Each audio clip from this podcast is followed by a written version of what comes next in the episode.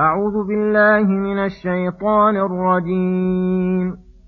يا أيها الذين آمنوا عليكم أنفسكم لا يضركم من ضل إذا اهتديتم. إلى الله مرجعكم جميعا فينبئكم بما كنتم تعملون.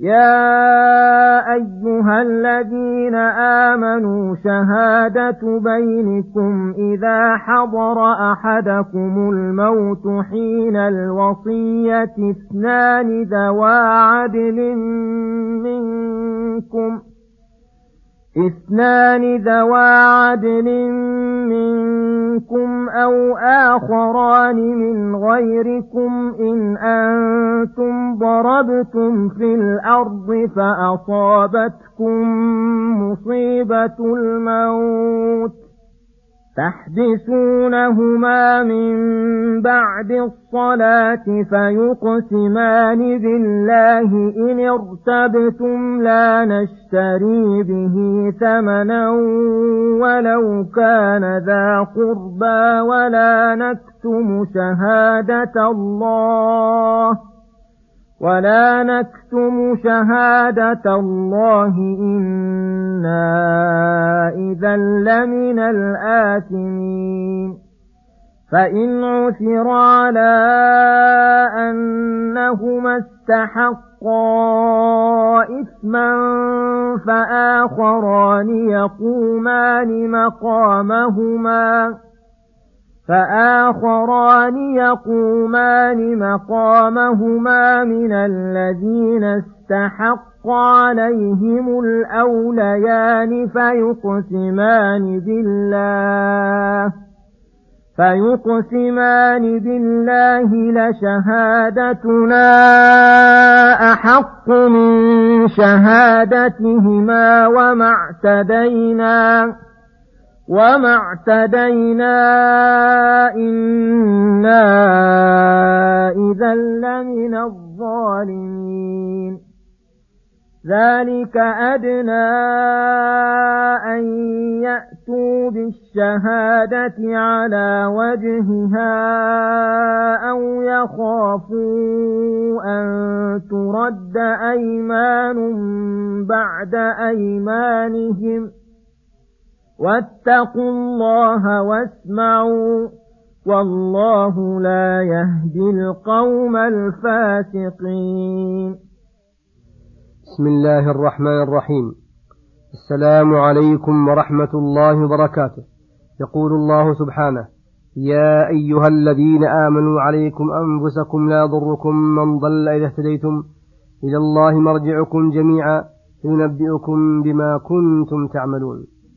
يقول تعالى يا أيها الذين آمنوا عليكم أنفسكم اجتهدوا في إصلاحها وكمالها وإلزامها سلوك الصراط المستقيم فإنكم إذا صلحتم لا يضركم من ضل عن الصراط المستقيم ولم يهتد إلى الدين القويم إنما يضر نفسه ولا يدل هذا أن الأمر بالمعروف والنهي عن المنكر لا يضر العبد تركهما وإهمالهما فإنه لا يتم هداه إلا بالإتيان بما يجب عليه من الأمر بالمعروف والنهي عن المنكر.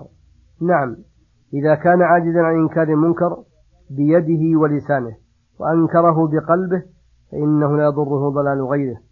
وقوله إلى الله مرجعكم جميعا أي مآلكم يوم القيامة واجتماعكم بين يدي الله تعالى فينبئكم بما كنتم تعملون من خير وشر. ثم يقول سبحانه يا أيها الذين آمنوا شهادة, شهادة بينكم إذا حضر أحدكم الموت حين الوصية اثنان ذوى عدل منكم أو آخران من غيركم. إن أنتم ضربتم في الأرض فأصابتكم مصيبة الموت تحبسونهما من بعد الصلاة فيقسمان بالله إن ارتبتم لا نشتري به ثمنا ولو كان ذا قربى. ولا نكتم شهادة الله إنا إذا لمن الآثمين. الآيات. يخبر تعالى خبرا متضمن الأمر يخبر تعالى خبرا متضمنا للأمر. بإشهاد اثنين على الوصية. إذا حضر الإنسان مقدمات الموت وعلائمه فينبغي له أن يكتب وصيته. ويشهد عليها اثنان.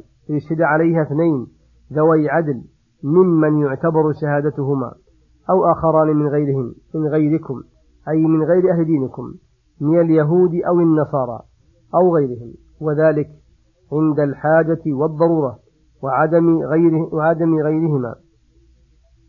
من المسلمين إن أنتم ضربتم في الأرض أي سافرتم فيها فأصابتكم مصيبة الموت أي فأشهدوهما ولم يأمر بإشهادهما إلا لأن قولهما في تلك الحال مقبول يؤكد عليهما أن يحبسا من بعد الصلاة التي يعظمونها فيقسمان بالله أنهما صدقا.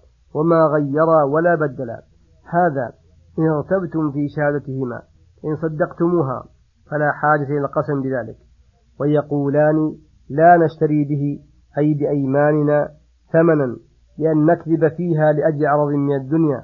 ولو كان ذا قربى فلا نراعيه لأجل قربه منا. ولا نكتم شهادة الله بل نؤديها على ما سمعناها. إنا إذا أي إن كتمناها لمن الآثمين فإن عثر على أنهما أي الشاهدين استحقا إثما بأن وجد من القرائن ما يدل على كذبهما وأنهما خانا فآخران يقومان مقامهما من الذين استحق عليهم الأوليان. فآخران يقومان مقامهما من الذين استحق عليهما الأوليان أي فليقم رجلان من أولياء الميت وليكونا من أقرب الأولياء إليه. فيقسمان بالله لشهادتنا حق من شهادتهما أي أنهما كذبا وغيرا وخانا وما اعتدينا إنا إذا لمن الظالمين. أي إن ظلمنا واعتدينا وشهدنا بغير الحق قال الله تعالى في بيان حكمة تلك الشهادة وتأكيدها وردها على أولياء الميت حين تظهر من الشاهدين الخيانة ذلك أدنى أي أقرب أن يأتوا بالشهادة على وجهها حين تؤكد عليهما تلك التأكيدات. أو يخافوا أن ترد أيمان بعد أيمانهم. أي لا, تق... أي... أي لا تقبل أيمانهم ثم ترد على أولياء الميت. والله لا يهدي القوم الفاسقين. أي الذين أي الذين وصفهم الفسق فلا يريدون الهدى والقصد إلى الصراط المستقيم. وحاصل هذا أن الميت إذا حضره الموت في سفر ونحوه مما هو مظنة قلة الشهود المعتبرين. أنه ينبغي أن يوصي شاهد أن يوصي شاهدين مسلمين عدلين فإن لم يجد إلا شاهدين كافرين جاز أن يوصي إليهما. ولكن لأجل كفرهما فإن الأولياء إذا ارتابوا بهما فإنهم يحلفونهما بعد الصلاة أنهما ما خانا ولا كذبا ولا غيرا ولا بدلا فيبرئان فيبرآن بذلك من حق يتوجه إليهما. فإن لم يصدقوهما ووجدوا قرينة تدل على كذب الشاهدين فإن شاء أولياء الميت فليقم منهم, منهم اثنان فيقسمان بالله لشهادتهما أحق من شهادة الشاهدين الأولين وأنهما خانا وكذبا فيستحقون منهما ما يدعون. وهذه الآيات الكريمة نزلت في قصة في قصة تميم الداري وعدي بن بداء المشهورة حين أوصى لهما العدوي والله أعلم. يستدل بالآيات الكريمات على عدة أحكام. منها أن الوصية مشروعة وأنه ينبغي لمن حضره الموت أن يوصي. ومنها أنها معتبرة ولو كان الإنسان وصل إلى مقدمات الموت وعلاماته ما دام عقله ثابتا. ومنها أن شهادة الوصية لا بد فيها من اثنين عدلين. ومنها أن شهادة الكافرين في هذه الوصية ونحوها مقبولة لوجود الضرورة. وهذا مذهب الإمام, وهذا مذهب الإمام أحمد. وزعم كثير من أهل العلم أن هذا الحكم منسوخ وهذه دعوى لا دليل عليها. ومنها أنه ربما استفيد من تلميح الحكم ومعناه وأن شهادة الكفار عند عدم غيرهم حتى في غير هذه المسألة مقبولة كما ذهب إلى ذلك شيخ الإسلام ابن تيمية. ومنها جواز سفر المسلم مع الكافر إذا لم يكن محذور. ومنها جواز السفر التجارة ومنها أن الشاهدين إذا ارتيب منهما ولم تبدو قرينة تدل على خيانتهما وأراد الأولياء أن يؤكدوا عليهما اليمين يحبسونهما من بعد الصلاة فيقسمان بصفة ما ذكر الله تعالى.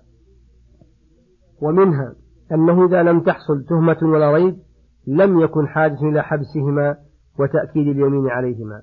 ومنها تعظيم أمر الشهادة حيث أضافها تعالى إلى نفسه وأنه يجب الاعتناء بها والقيام بها بالقسط ومنها أنه يجوز امتحان الشاهدين عند الريبة منهما وتفريقهما لينظر في قيمة شهادتهما صدقا أو كذبا.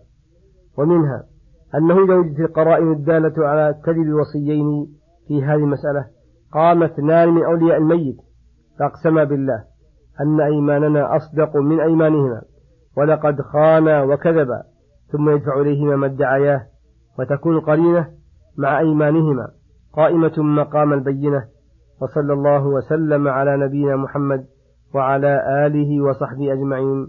وإلى الحلقة القادمة غدا إن شاء الله. والسلام عليكم ورحمة الله وبركاته.